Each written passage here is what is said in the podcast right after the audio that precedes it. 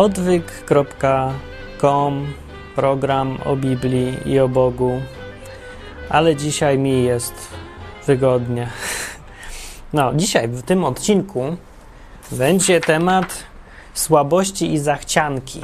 I będzie w tym wypadku bardziej o ludziach niż o Bogu, bo Biblia mówi nie tylko o Bogu, o ludziach też, i można się dowiedzieć nie tylko o Bogu czegoś ciekawego, ale o ludziach zwłaszcza. I pokazuje to też, że w Biblii, w Biblii yy, ludzie, którzy tam są opisani, w każdym razie w tej Biblii, to są ci sami ludzie, którzy żyją dzisiaj. Jesteśmy tacy sami jak ci ludzie, co byli opisywani w tej książce. Co jest no, plusem dla Biblii, bo wydaje się, że to jest książka bardzo realistyczna, w odróżnieniu od jakichś tam mitów greckich, gdzie tam Herkules rozrywa coś tam rękami, sprząta stajnie Augiasza i wyskakują, Atena wyskakuje z głowy Zeusowi, czy tam coś, no. Więc to całkiem co innego. I na początek w ogóle powiem, że temat się wziął z tego, że e, o, bo mamy w życiu tak, takie sytuacje są i takie momenty, kiedy nam się strasznie coś chce, nie? Coś za nami łazi, się mówi. Chodzi za mną ta czekolada, albo ktoś się uwziął, że no muszę sobie kupić Walkmana, no nie wytrzymam bez tego Walkmana. No to jest tak, jakby to była kwestia życia i śmierci. I, i ludzie tacy są, no. I na przykład o fotel. No normalnie, no ja już nie mogłem, no muszę mieć fotel. Patrzcie, co się stało z poprzednim. Rozwalił się całkiem. No jak można żyć bez fotela? Tyle z niego zostało. I, e, więc używam sobie krzesła, na którym śpi kot. Ale no głupio tak budzić kota, nie? No i dzięki sponsorom odwyku udało się, odpowiedzieli, zrozumieli moje człowieczeństwo, że no człowiek musi mieć fotel, bo się uprze na ten głupi fotel. No i mam fotel, ale jest fajnie. I czuję się absolutnie szczęśliwy już teraz. No. I w Biblii jest całkiem sporo takich przypadków, że ludziom się zachciało czegoś tak zupełnie bez sensu, jakoś tak, no nie wiadomo dlaczego, irracjonalnie i wynikały z tego różne rzeczy. Nie mówię o tym, że takie rzeczy jest kwestia, że to jest grzech, bo chcę coś bardzo, bo się, bo nie wiem, chce mi się palić albo pić, że ktoś jest w jakimś nałogu, albo na przykład, że się zakochał. O, takie sytuacje też są w Biblii opisane. Nie, bardziej mi chodzi o takie jakieś małe, nic niby nieznaczące rzeczy, że człowiek się tak uweźmie i łazi za tym. Yy, na przykład, najlepszy przykład z Dawidem, z królem Dawidem jest taki, z drugiej księgi Samuela, 23 rozdział. Ja już będę tak parafrazował, bo przeczytać sobie każdy może w domu, a ja powiem trochę ubarwiając te wszystkie historyjki. Było tak, że Dawid przebywał wtedy w warowni, mówi Biblia, jakiejś fortecy, a w Betlehem stała wówczas załoga filistyńska. Stała, znaczy, no, okupowali, nie? Betlejem. I Dawid miał pragnienie, pić mu się chciało i powiedział tak: Kto mi się da napić wody ze studni betlejemskiej, która jest przy bramie? Hej, kto mi się da napić?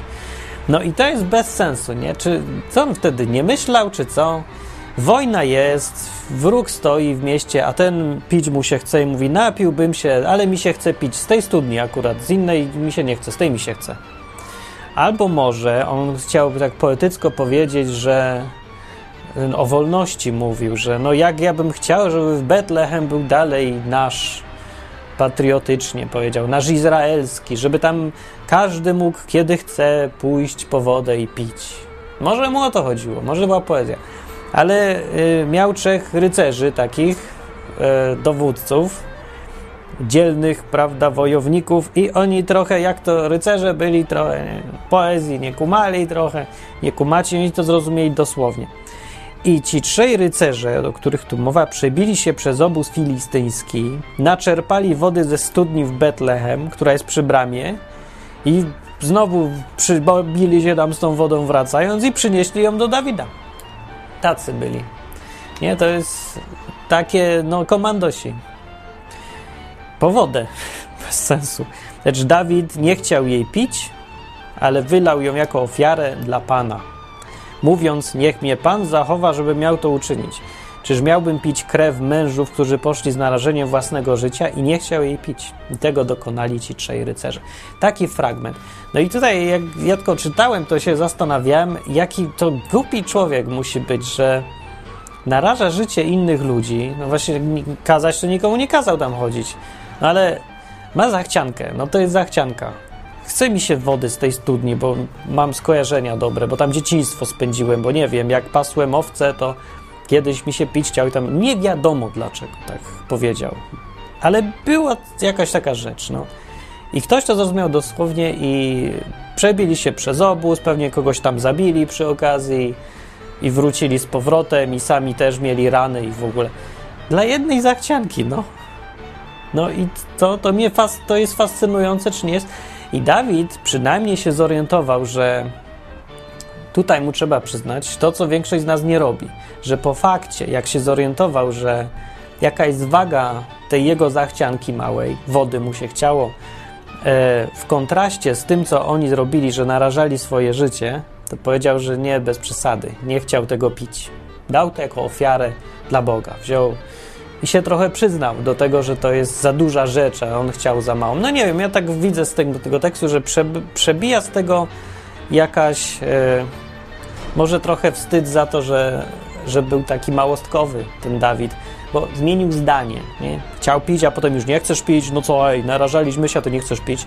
Nie, Dawid wytłumaczył, że to jest zbyt cenna rzecz i dał ją Bogu.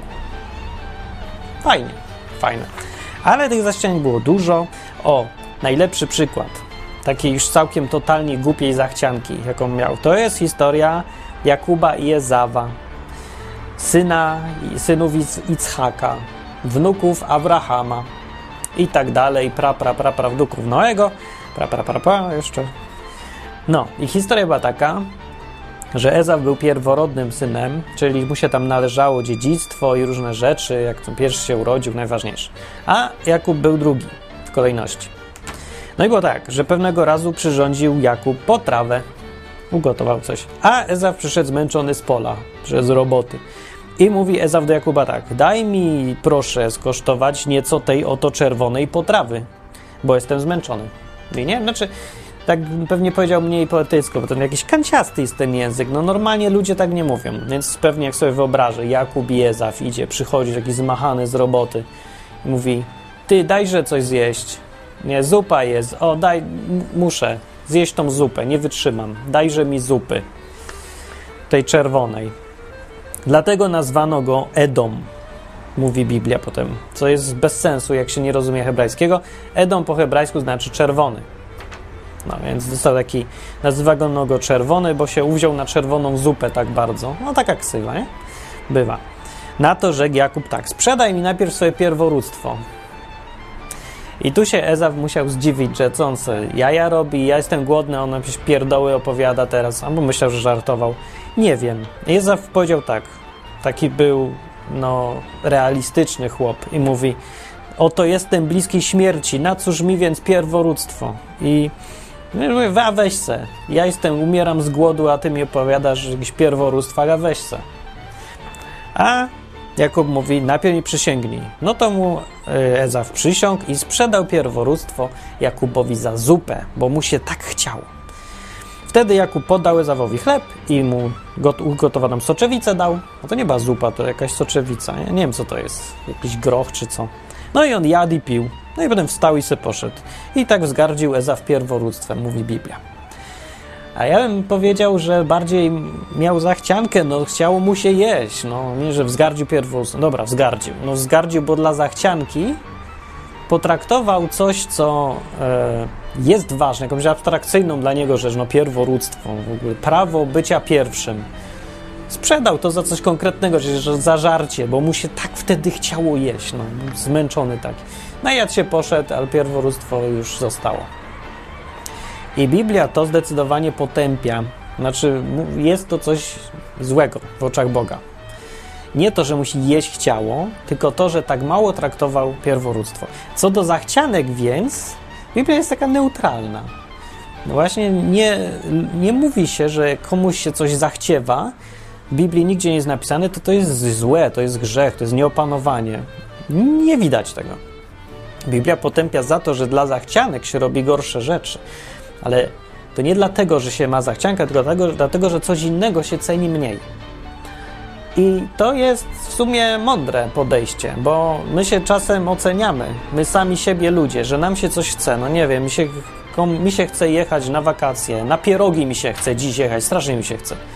Albo fotel. No, no muszę mieć fotel, nie wytrzymam, rozwalił się, nie chcę krzesła głupiego, chcę fotel. I tak się, człowiek się tak nakręci tym, że tak strasznie coś chce, albo tak strasznie jest mu, jest wkurzony, że czegoś nie ma, co bardzo chce, że staje się to dla niego ważne.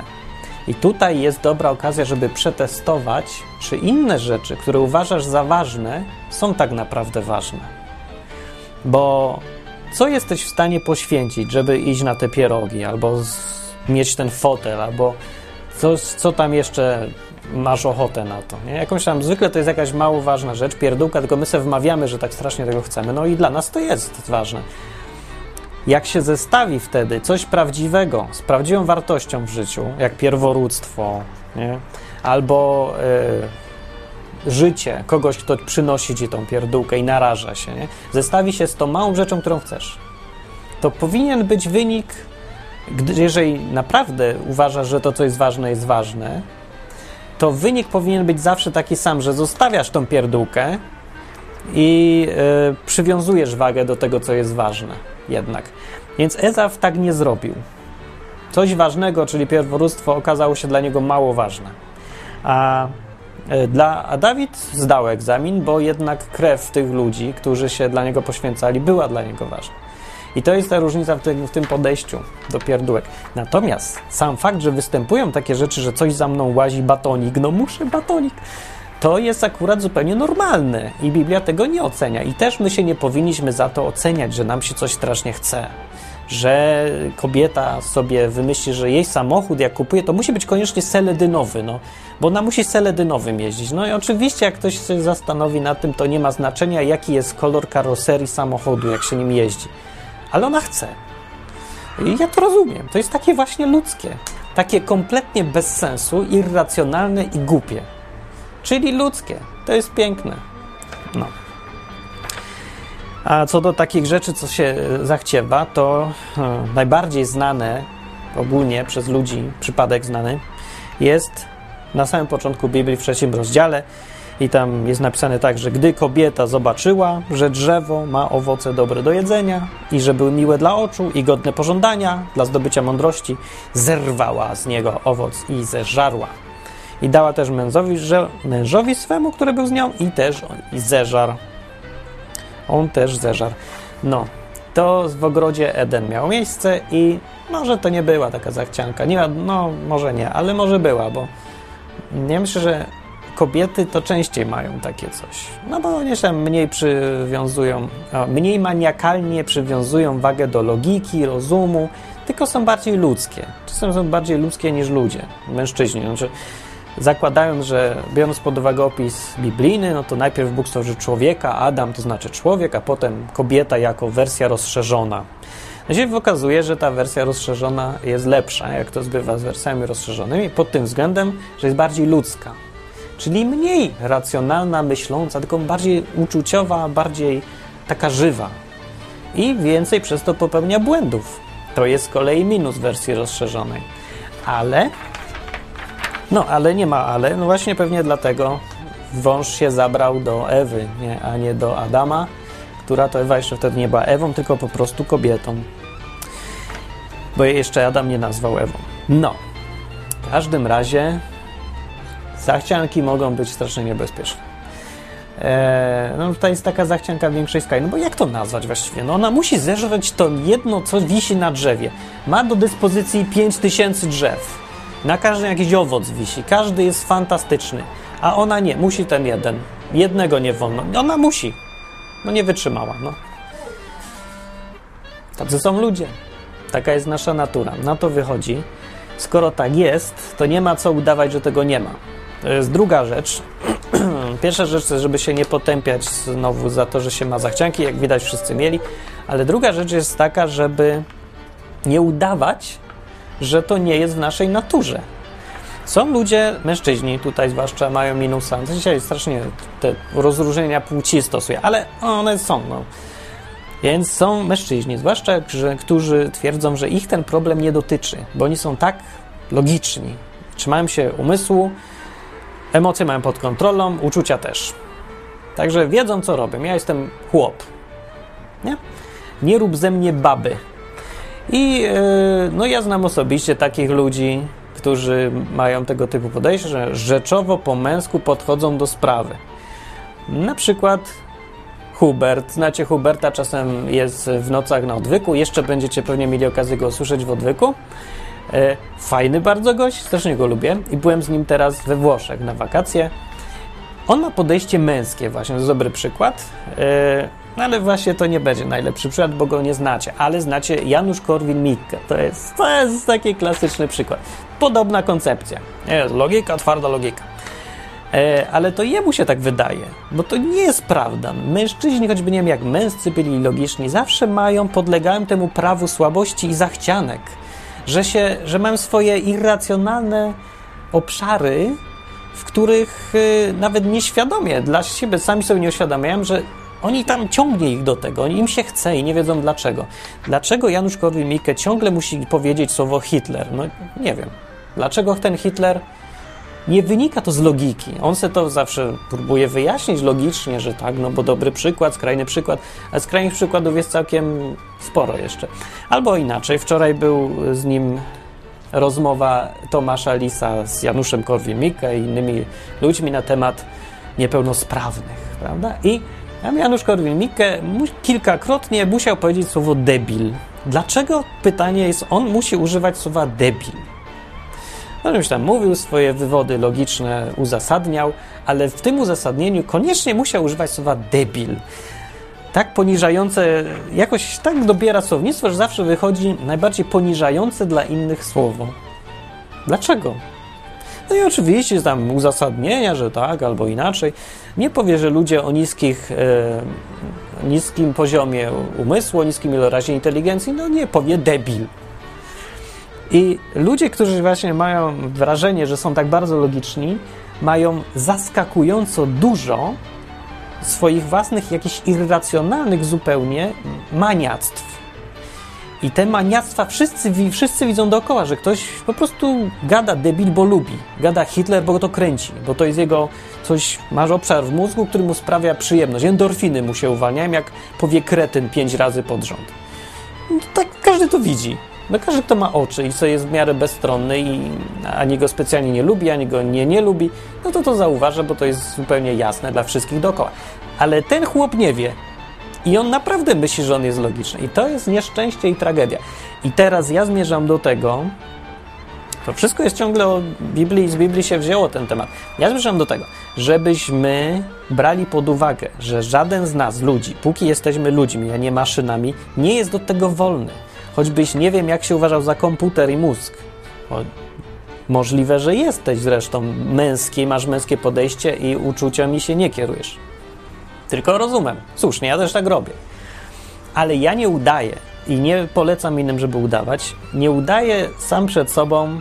Mam świadomość tego, że mam swoje obszary maniactw, że mam swoje słabości. Ja wiem, że ten fotel to ja mogłem przeżyć bez niego i ale się uwziąłem w głowie na fotel. Ja sobie zdaję sprawę, że to jest jakaś trochę zachcianka, no, jakaś słabość. No, muszę mieć, że rozwalił mi się fotel. No, chcę mieć ten fotel, bo dla mnie to jest, nie wiem co, super ważne się zrobiło. Bo mi się w głowie to zrobił, że symbol, że, że nie jestem, nie muszę żyć jak ostatni żebrak i mieć wszystko podarte i rozpadające się krzesła, tylko jeden porządny fotel, na przykład, nie? Albo zupełnie irracjonalnie. Kiedyś miałem fazę na wieśmaki. Ciągle chodzę i jem wieśmaki, codziennie. No i miałem taki wyrzut sumienia, no, Martin, nie jedz wieśmaków, mówię sobie, a z drugiej strony mi mówi coś w środku w głowie, odwal się, będę jadł wieśmaki. I tak się zastanawiam, może to jest nauk, wieśma, wieśmakofilia, czy co? Wieśmakoholizm? Wieśmakholizm, nie wiem. E, ale stwierdziłem właśnie, w Biblii są tacy ludzie, to jest ludzkie zupełnie, że no, mam chcicę na coś nagle i mam. I myślę sobie, przejdzie, bo już przechodziło wcześniej. I przeszło oczywiście, że przeszło. No jadłem tych wieśmaków tyle, aż mi się w tym momencie, nie wiem kiedy, samo przestało, odechciało się. Znikło i już. E, Im dłużej myślałem o tym jedzeniu wieśmaków, tym bardziej nie mogłem tego przestać robić, bo staraniem się. Zm- okay. Jak starasz się zmienić swoją naturę na siłę, co jest niemożliwe, bo jesteś kim jesteś, no równie dobrze mogę martwieniem się sprawić, że stanę się blondynem. Nic to nie da. Muszę zaakceptować fakt, że, fakt, że mam ciemne włosy, niektóre tam siwe. Właśnie, to jest dziwne. Zawsze miałem siwe, jakieś takie pojedyncze były. Ja miałem 18 lat czy coś, a tutaj siwe. Nie wiem, tak mam. Dziwnie. Rodzinne. No, a to taka głupia dygresja. O to mi chodzi, że... Już zrobiłem tyle dygresji, że zapomniałem o czym mówię. Cholera, no i po co mówię o tych siwych włosach? Aha, już wiem, że troszczeniem się i przejmowaniem się e, nie za bardzo da się zmienić naturę, w ogóle się nie da. No nie zmienisz, nie w ten sposób. I takie maniactwa i zachcianki, słabości i zachcianki przechodzą same po tym, jak się już je zaspokoi. No już mam fotel, już o nim nie będę gadał, już będzie i fajnie. I mogę zacząć żyć już normalnie. Przeszło. Kiedyś miałem zachcianki też na, na sneakersy, znowu jadłem, jak, jak głupie sneakersy. No to mi samo przeszło, bo już mi się odechciało. To jest normalne, zachciewa się, odechciewa. Nie potępiajmy się za to i nie próbujmy udawać, że tego nie ma. Też. Życie w zakłamaniu jest częste wśród chrześcijan. Strasznie zwłaszcza wśród w ogóle ludzi, ale chrześcijanie mają do tego straszną słabość. Dlaczego? No łatwo uzasadnić. Dlatego, że wiedzą, że od nich wymaga się więcej. Więc oni wymagają też od siebie więcej, standardów wysokich.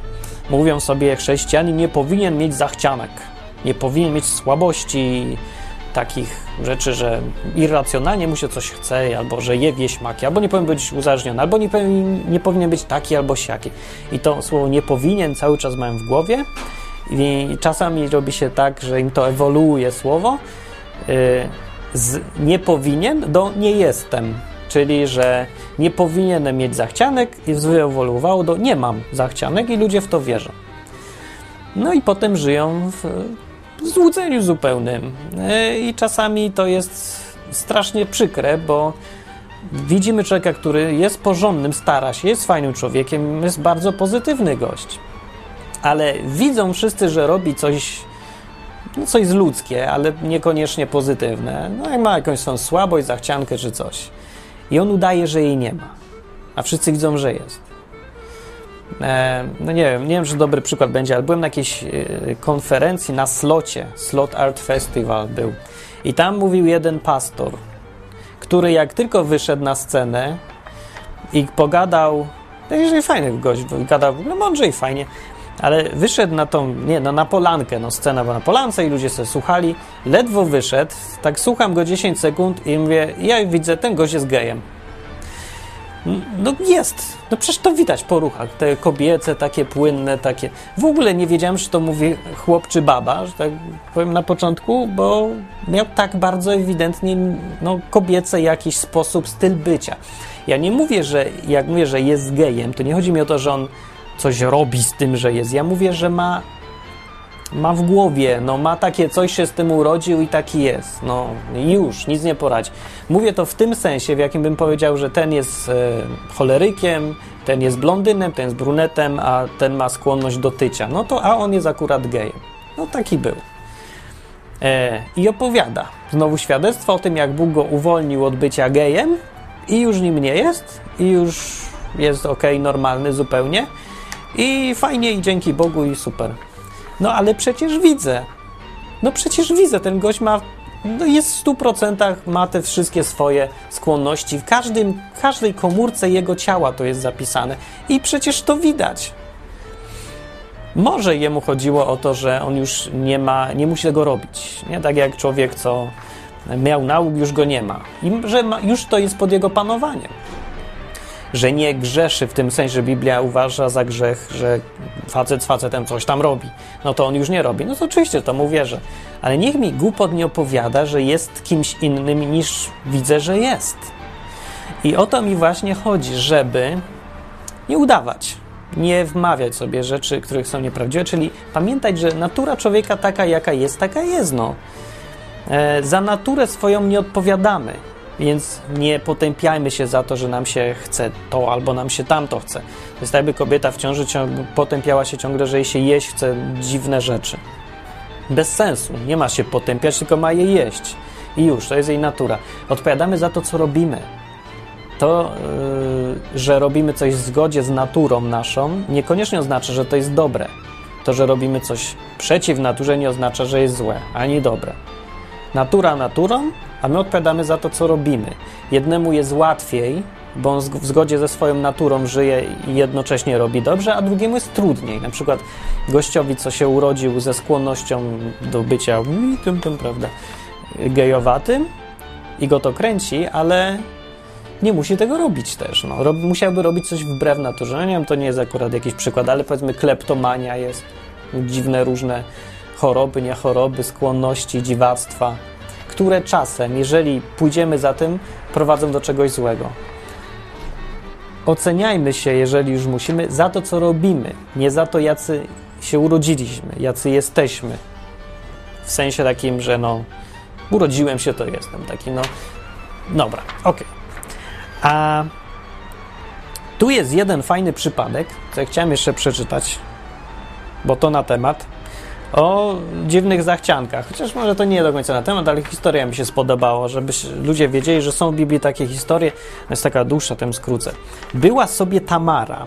O, to było w czasach, kiedy żył Jakub, czyli Izrael, i on miał synów. Te, ci synowie to byli tam 12 pokoleń Izraela, od nich się wywodzi. I to byli Juda, Benjamin, e, ten, jak się nazywa? Lewi i tam cała kupa tych jest Symeon, 12. Benjamin. Mówiłem? No dobra, nieważne. I oni, yy, Juda, tutaj jest bohaterem tej historii, Onan był wtedy taki i Tamar to była, była żona Onana, która miała pecha, bo jej mąż umarł i trafił jej się jej brat. No takie było prawo z powodów różnych. Tak, większość powodów dzisiaj już nie ma znaczenia, ale wtedy miało. E, z różnych powodów taki dał prikaz był od Boga, przykazanie, żeby brat zmarłego wziął se żonę po nim, jako spadek dostał żonę. I żeby z nią dalej robił to, co trzeba, bo musi jej urodzić dziecko i to dziecko będzie nie jego, tylko będzie jego brata. Więc ona stwierdził, że to jest do dupy interes i on nie, nie będzie robił, więc robił, jak to Biblia ładnie mówi, e, no nie używa tego słowa, ale seks, seks przerywany, czy co? Znaczy, nie dokończał. I Bogu się to nie spodobało i go zabił. No bo po prostu nie dokończał, bo nie chciał, nie podobało mu się to prawo Boga. Były takie, nie, mam w dupie, nie będę. Ja Bóg powiedział, to ja też mam w dupie i nie, zabił go. Znaczy, no umarł jakoś tam, nie jest napisane dokładnie jak, ale przerwał żywot. No i Tamara została biedna, biedaczka i i chciała mieć chłopa, no jak to zdrowa, prawda, była. I jej teściem był e, Juda. I ten Juda coś się nie palił, żeby mu dać następnego, jej dać następnego syna, no bo coś, no coś podejrzana ta Tamara była. Tamar, Tamara, Tamar? Ona się nazywa? No, nieważne w każdym razie, no bo już trzech synów mu umarło przy niej, no, dwóch mu umarło przy niej, no nie chciał, żeby jeszcze trzeciego, bo to był ostatni, jeszcze straci. No daje jej znowu chłopa, a, a on znowu umrze i zostanie bez dzieci, no. To z lipa będzie. No więc Juda coś nie palił się do tego. Yy, I no, może sobie myślał, że ona ich otruła, czy co, klątwy rzucała. No nieważne co myślał, ale tak nie chciał. Więc było tak, że teść poszedł do Timny, żeby strzyc owce. I wzięła Tamar i zdjęła z siebie szaty wdowie, bo była wdową po tym, co po Onanie. Też fajne, nie? Określenie, jestem wdową po Onanie. E, nie, takie dwuznaczne. Ups. I, dobra. I wzięła te szaty, okryła się i otuliła zasłoną. Takie, wiecie, takie jak na wschodzie noszą takie zasłonki. I poszła, siadła przy bramie wejściowej do Enaim, położonego przy drodze do Timny. Co to znaczy? To znaczy, że poszła się zatrudnić jako tirówka. Yy, no, bo to był taki zwyczaj, że siedziało się przy bramie, przy drodze z kobieta za słonką, no to, no to wiecie, wiecie, jak tirówki se stoją na różnych stacjach tu benzynowych, przy drodze czy coś, no to to jest odpowiednik. No dokładnie to samo zrobiła, tylko w innych czasach. No. I tak, i było tak, że poszła. Bo wiedziała, że Szela już dorósł, jej kandydat na męża, a nie dałem no, mu jej za żonę. No to ona sobie myśli, dobra, nie mam męża, no to się będę puszczać jako dziwka. To jest jakimś dziwnym rozumowaniem dla mnie, ja tego nie rozumiem, ale rozumiem, że ktoś może mieć zachciankę i już nie wytrzymam, myśli sobie tam. I było dziwne, no nie wiem. I gdy przyszedł akurat teść Juda, przechodził i myślał, że to, tutaj jest napisane nierządnica, ale to myślał, że to dziwka, po prostu ciekawsze słowo. Więc dobrze, idzie Juda, myśli o dziwka, bo zakryła swoją twarz. A widocznie to był taki zwyczaj, że się twarz zakrywa. A, no tak, to o to chodziło z tym mykiem. Więc zakryła twarz, no tam miała tą zasłonę i myślał, że... I mówi do niej, mówi, yy, za ile? A... No, bo nie wiedział, że to jest jego synowa. A ona mówi, no, znaczy to ona mówi, a ile dasz? A on mówi, no, kozę. Chcesz kozę? Koźlątko z trzody. A ona mówi, dobra, daj kozę, ale y, daj mi coś w zastaw teraz, żebym wiedziała, że mi to przyślesz, nie? Bo ty sobie zrobisz co dobrze i w ogóle, a pójdziesz i co? No i dupa, sama zostanie, no, realizmu trochę. No on mówi, dobra, no to, to co ci dać? A on mówi, ona mówi, daj pieczęć, no taką tutaj, no, sygnet.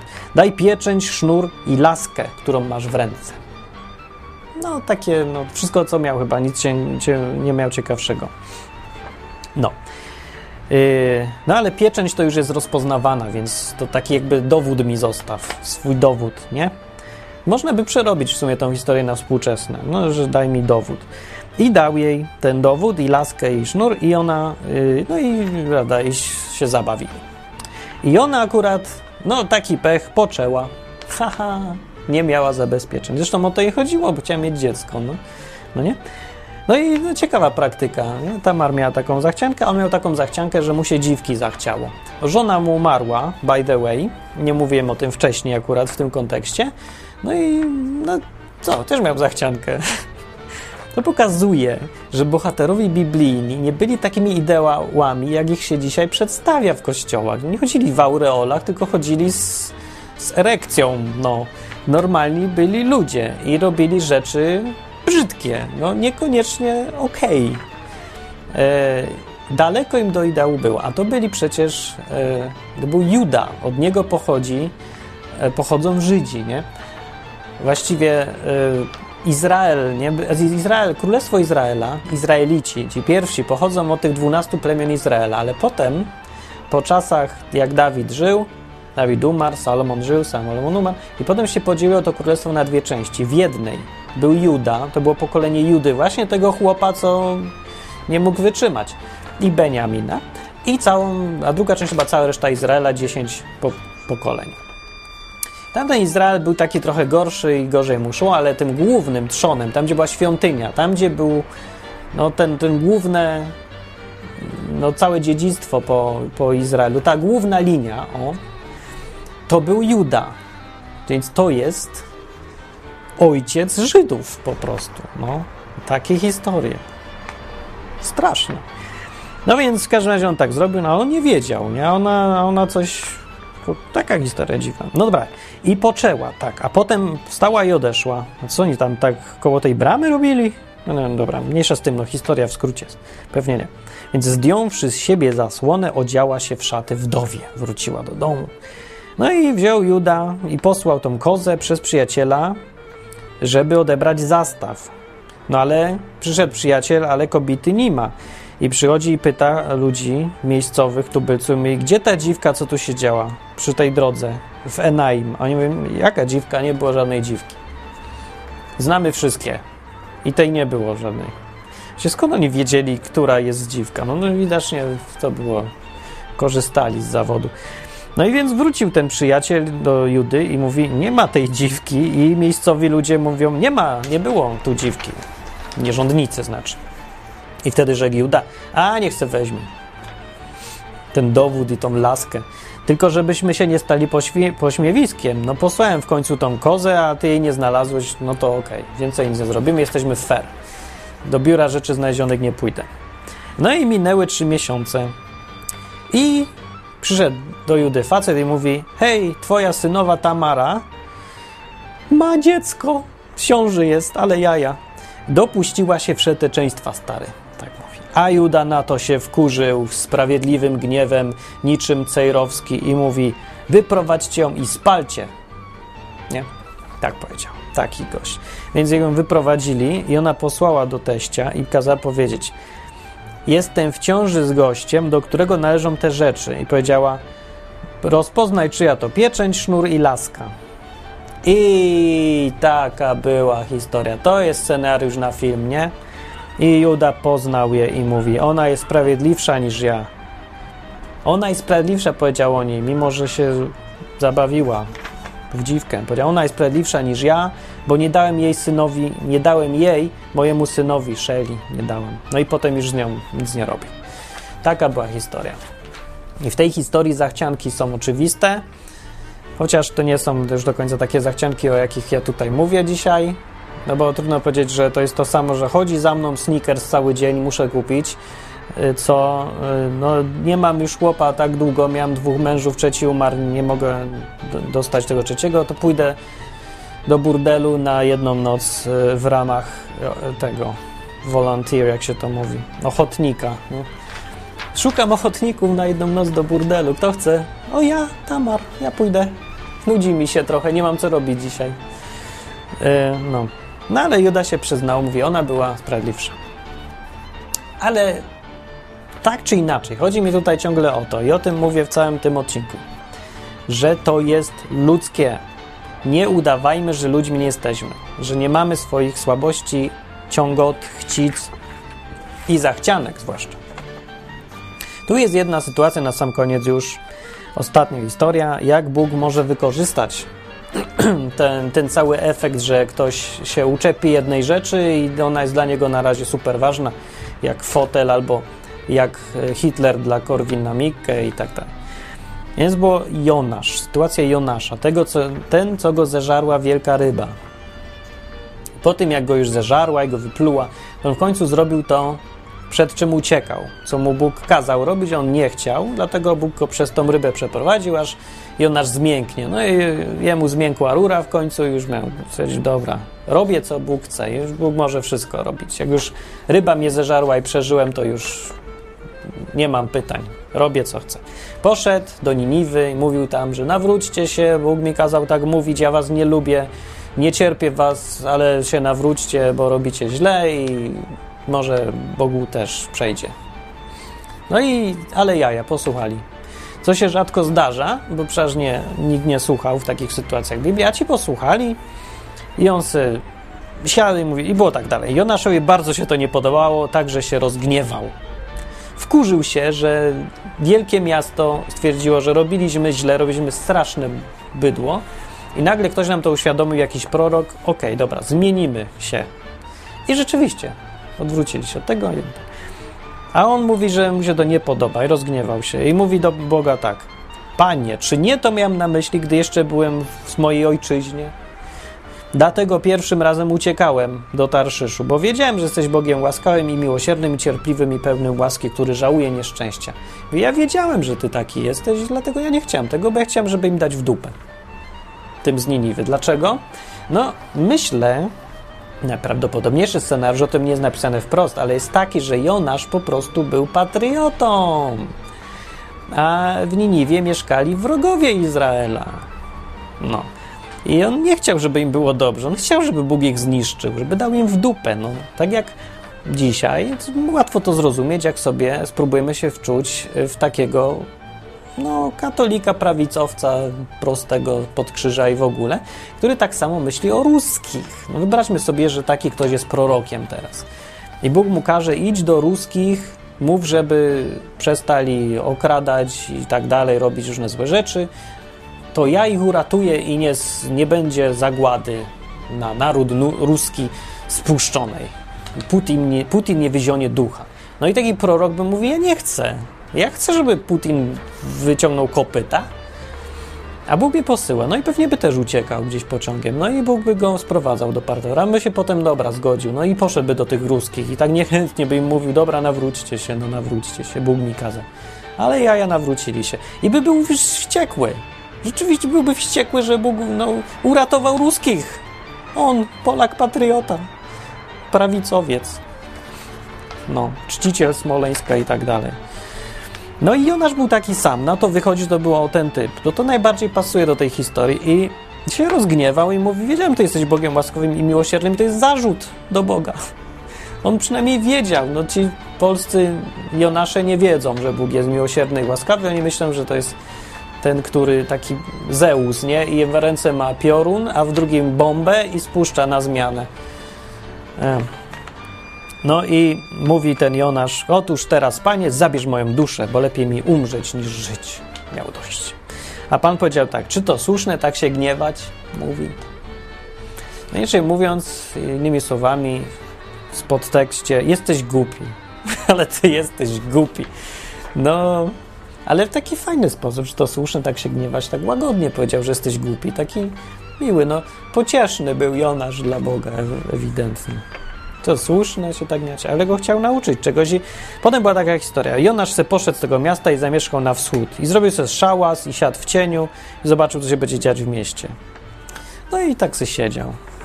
A Pan Bóg wyznaczył krzew rycynowy, żeby wyrósł nad Jonaszem i dawał mu cień i osłaniał go przed nieszczęściem.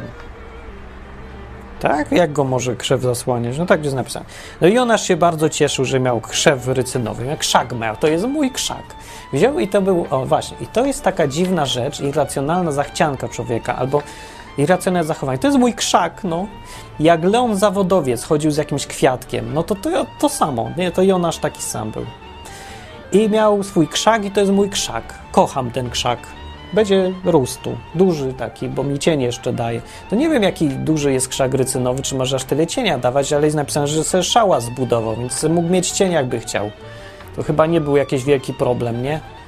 Se poradził z rybą, był prorokiem w mieście, podróżował, to se nie mógł cienia znaleźć. No mógł, ale kochał krzak. No i potem na zajutrz rano Bóg wyznaczył robaka, który podgryzł krzew, także usech. No, robak od Boga posłany. Jestem robakiem posłanym przez Boga. Moim zadaniem jest zeżreć ten krzak. No i tak było. Więc Bóg, yy, wzeszło słońce i Bóg zesłał suchy wiatr wschodni i słońce waliło Jonasza na łeb. A krzak mu usech, nie miał krzaka i on dlewał i życzył sobie śmierci, mówiąc, lepiej mi umrzeć niż żyć znowu.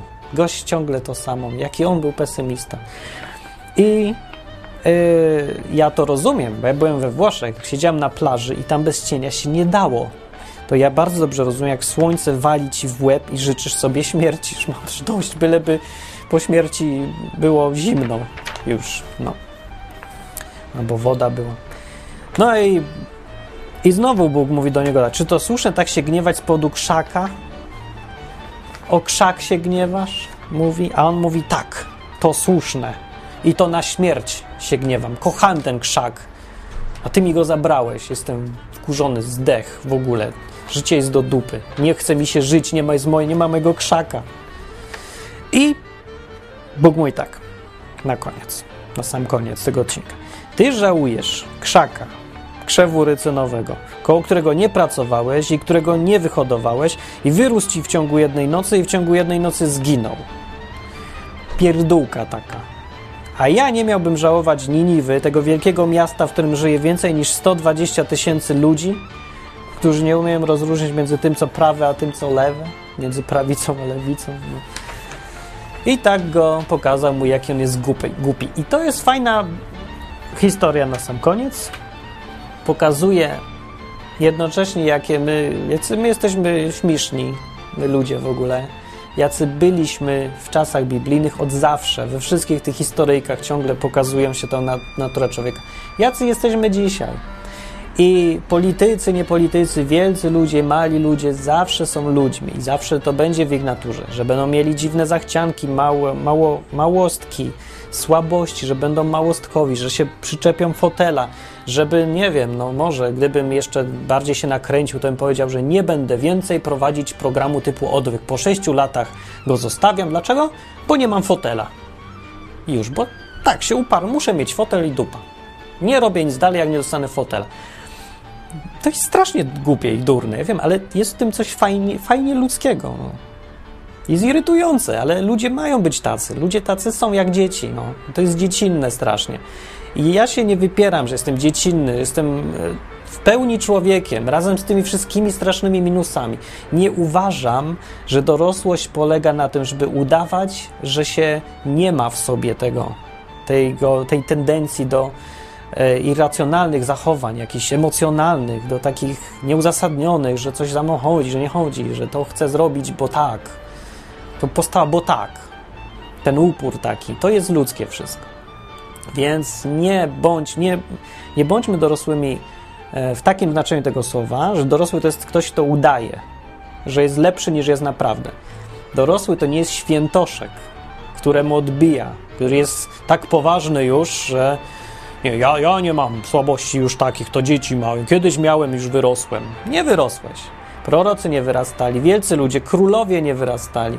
Dawid nawet, jak przecież był wodzem, był przywódcą i dałem za zachciankę wody mi się chce ze studni, która jest pod okupacją, ale mi się chce tej wody, ta woda, jest piękna woda, super woda. No i słuchają go ludzie, żeby się zamiast się zamknąć o tej wodzie, to gada tak o tej wodzie. I ludzie, którzy go kochali, narazili, narazili życie, żeby spełnić jego zachciankę, żeby mu dać przyjemność. I trzeba uważać dlatego na te zachcianki, ale one będą. I już, i dobrze. I jeszcze na sam koniec taka PS już całkiem, że e, ci, którzy są zwolennikami takich teorii e, może spiskowych, ale bardziej mi chodzi o ogólne podejście. Podejście do rzeczywistości, że za to wszystko, co się wokół nas dzieje, odpowiadają jakieś, e, jacyś ludzie, którzy wszystko dobrze przemyśleli, mają swoje plany długoterminowe i to są właśnie takie chodzące komputery, tacy ludzie, co nie, nie że z jakiejś zachcianki mają, tylko no tak się kierują wielkim planem, wielkim superplanem. Tych teoriach spiskowych sobie weźmy teraz pod uwagę naturę człowieka, o jakiej mówi, mówi Biblia, jaką znamy też i obserwujemy i widzimy wśród tych najbardziej znanych ludzi publicznych, nie? Weźmy to pod uwagę i pomyślmy teraz, że gdyby tacy masoni, jacyś grupa Bilderberga, albo Illuminati, albo jacyś inni jeszcze, gdyby ich było tam 20 osób, to wśród nich na pewno się znajdzie parę osób, co nie kierują się wcale jakimś wielkim planem, tylko zachcianką. Że chce im się coś, nie wiem. Jednemu się chce, żeby. Nie wiem, ma taką zachciankę, nie wiadomo czemu, że chce, żeby wszyscy ludzie byli chudzi, albo żeby byli, nie wiem, blondynów woli, albo jakiekolwiek głupoty tam, nie bo jeden lubi te, telefony komórkowe, on uwielbia tą technologię i nie, nie wiadomo dlaczego, po prostu lubi i będzie promował, lobował i zmieniał świat, żeby wszyscy mieli telefony komórkowe na przykład, bo, bo się uwziął, bo ma głupią zachciankę. No więc wśród takich grup spiskowych, nawet dobra, już zostawiamy te spiski, ale wśród ludzi, którzy rządzą światem, mają większe stanowiska i większy kawałek władzy, to są dalej ludzie. Oni dalej chodzą do kibla. Oni dalej mają swoje potrzeby, smak, zachcianki, jedne rzeczy lubią, innych mniej, mają swoje słabości tak samo się kierują, nie wiedząc nawet sami może często swoimi tak naprawdę jakimiś zachciankami w życiu, a nie jakimś wielkim planem. Oni sobie potem wmawiają, że to wszystko była kwestia planu. Ja to zaplanowałem, że puszczę akurat teraz bąka. To jest mój wielki plan umysłem i sobie zracjonalizuję. Ten bąk był w tym celu, aby ludzie odwrócili uwagę od tego, co mówię i tak dalej. I może nawet w to wierzą. Ale My nie musimy, my jako obserwatorzy z zewnątrz widzimy, że tak naprawdę oni są takimi samymi, zwykłymi ludźmi, tak samo głupimi jak i my, tak samo e, miotanymi na prawo i lewo w jakimiś codziennymi słabościami, humorami, zachcianką, albo no, irytują się, albo mają jakieś animozje wobec innych, albo ktoś im coś złego zrobił, teraz chcą zemsty. Takie ludzkie zupełnie. Ci ludzie, którzy rządzą, weźmy to pod uwagę, że tym się często kierują, albo chęcią bycia znanym, albo chcą, żeby ich ludzie kochali na przykład, a nie jakieś wielkie plany. Mało co w naszej rzeczywistości dzieje się według planu. Często to jest wypadek, to jest wypadkowa mnóstwa sił, chaotycznie działających. I te siły są kierowane przez ludzi, którzy mają najróżniejsze zachcianki, przyzwyczajenia, lęki. No i taki jest świat. Jest złożony, jest nieprzewidywalny. Jest pełen najróżniejszego chaosu. I najfajniejsze, mnie najbardziej fascynuje to, że wśród tego chaosu da się zauważyć plan co jakiś czas. Albo ten chaos, te dziwne rzeczy, które się dzieją jako niezamierzony efekt przez nikogo, układają się w jakąś całość logiczną. I to mnie normalnie przechodzi dreszcz, jak o tym myślę, bo za tym widzę projektanta, jakiegoś superkontrolera, który stoi za sceną i kontroluje trochę świat. Znaczy, no nie kontroluje, bo to nie jest kontrola w takim sensie, ale e, kieruje światem, wie, w którą stronę on idzie. Panuje. To jest najlepsze słowo. Panuje nad tym. Idealne słowo. Dlatego też myślę o Bogu, o Boga mi chodzi z Biblii, no bo nie wiem, jak to go inaczej nazwać, tą siłę, tego kogoś, kogo widać, że plan jest w tym chaosie. I, e, i e, w Biblii często, bardzo często, jednym z częstszych imion, które Bóg mówi, którym sposób, w jaki się nazywa, to jest panujący Pan. To jest ten, który panuje. To jest właśnie to panowanie, to, którego no, trudno nie podziwiać, kiedy sobie człowiek uświadomi, e, że świat wcale nie jest tak bardzo kontrolowany, a jednak stoi za nim ktoś, kto panuje. No, to widać właśnie, jak ktoś zauważy, ale to wiesz, kwestia tylko zauważenia. Może, może tylko ja tak widzę, może mam jakieś okulary różowe i dlatego widzę na różowo. No kto wie, ale ja widzę, co widzę i mówię to, co widzę. A kto inny mówi co innego. Dlatego też ze sobą rozmawiamy, tak jak na przykład dzisiaj, we wtorek o 20 na żywo na www.odwyk.tv TV. E, jak co tydzień we wtorki. No to przyjdźcie pogadać na żywo, powiedzcie mi, jak wy to widzicie i co myślicie o tych słabostkach wszystkich naszych. E, czy ciekawe, czy się znajdzie ktoś, kto zadzwoni i powie, ja tego nie mam. Ja jednak, nie, ja nie mam, ja poważnie uważam, ja nie mam, ja się pozbyłem tego, ja potrafię panować nad tym i wszystko, co robię, to jest jednak racjonalne. I to, co robię, to nie wynika z moich właśnie słabości, zachcianek chwilowych, humorów, tylko jednak panuję nad tym. Jak zadzwoni, to niech zadzwoni, niech uczciwie to powie, bo czemu nie? E, swoją drogą może się uda zauważyć komuś wtedy e, i pokazać temu komuś, że robi coś wcale nie tak bardzo logicznie, jak jemu się wydaje może. No, ja się już przyznaję, ale kiedyś miałem taki właśnie etap, myślałem, że ja jestem logiczny. Ja nie jestem babą, ja myślę jak mężczyzna i dobrze, bo ktoś powinien i dobrze, jestem z tego zadowolony, taka jest moja natura. Ale odkrywałem właśnie z biegiem czasu, że w, patrząc na to, co robię, a nie na to, co ja myślę, że robię, tylko patrząc na oceniać same swoje postępowanie, fakty, to co robię, że strasznie dużo z tego to jednak są emocje uczucia i zachcianki, słabości, humory dziwne takie. Jestem człowiekiem, na to wyszło, ale jaja. Podoba mi się to. Będę taki dalej, ludzki. To jest fajne. Bądźmy ludzcy. I to był koniec odcinka. A teraz jest ogłoszenie, że znalazłem stronę, znalazłem, e, znaczy taką imprezę. Nazywa się Festiwal Życia. Ktoś wie, co to jest?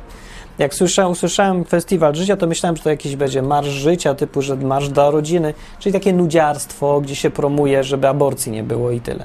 Ale się okazuje, że to co innego. Festiwalżycia.org na tej stronie są szczegóły. To jest taka impreza, która będzie 15 i 16 września w Krakowie. Chrześcijańska, najwyraźniej. Organizuje to David Hathaway. On jest tym inicjatorem tego. To jest taki gość Brytyjczyk, e, który dużo życia spędził jeżdżąc po Europie Wschodniej, tutaj głównie i za czasów komunizmu i no, rozdając ludziom Biblię, mówiąc o tym, że no, jest Bóg. E, tak, takie trochę odwykowe rzeczy, tylko no, może podejście ma nie takie odwykowe, tylko ja, takie, jak, jakie ja nie do końca lubię, czyli takie trochę no, pastorskie, gada tak pastorsko. Ale wygląda na to, że fajny chłop całkiem, starszy już facet i opowiada o tym Bogu. I on to zorganizował, no pewnie z innymi ludźmi, w każdym razie on tam jest jako pomysłodawca, inicjator tego festiwalu życia. To jest pierwszy raz, z tego co wiem, więc ciekawe jak to wyjdzie. I będą tam Tomek Żółtko śpiewać będzie, taki bard chrześcijański, powiedzmy. Yy, trzecia godzina dnia, taki zespół też chrześcijański. Mieciu Szcześniak, nie lubię gościa, ale nieważne, bo dla mnie to już jest za emocjonalny już. No ale dużo ludzi lubi. Arka Noego miała być, ale nie chce i nie powiedzieli, dlaczego nie chcą być. Może, nie wiem co, obrazili się, myśleli, że to jakaś sekta czy co, ale nie wygląda to na żadną sektę. Poza tym wstęp jest wolny, można wejść, wyjść, przyjść, zobaczyć. Jak ktoś jest w Krakowie, to i tak nic lepszego w weekend ten nie będzie do roboty, więc yy, niech ktoś sobie wejdzie, zobaczy. Festiwal zycia.org w sobotę. Sam jestem po prostu ciekawy, co tam, jak to wyjdzie i czy to będzie fajne. Zapowiada się fajnie, bardzo fajnie się zapowiada. Ja zwłaszcza lubię te imprezy, w których biorą udział ludzie spoza Polski, bo to zawsze jest trochę taka ożywcza atmosfera, ten, ta inność trochę w podejściu, w organizacji, w stylu i zawsze jest to ciekawsze po prostu. No bo jest większa różnorodność. Im większa różnorodność, tym ciekawiej. E, no. Koniec odcinka. No to do następnego razu, do za tydzień. Dzięki wszystkim za ten fotel, sponsorom. Jestem zadowolony z życia i szczęśliwy. Już mi przeszły zachcianki i już fajnie. No, to do dzisiaj na żywo, jak ktoś będzie na Odwyk TV o 8, a jak nie, to do za tydzień na odwyk.com. Cześć.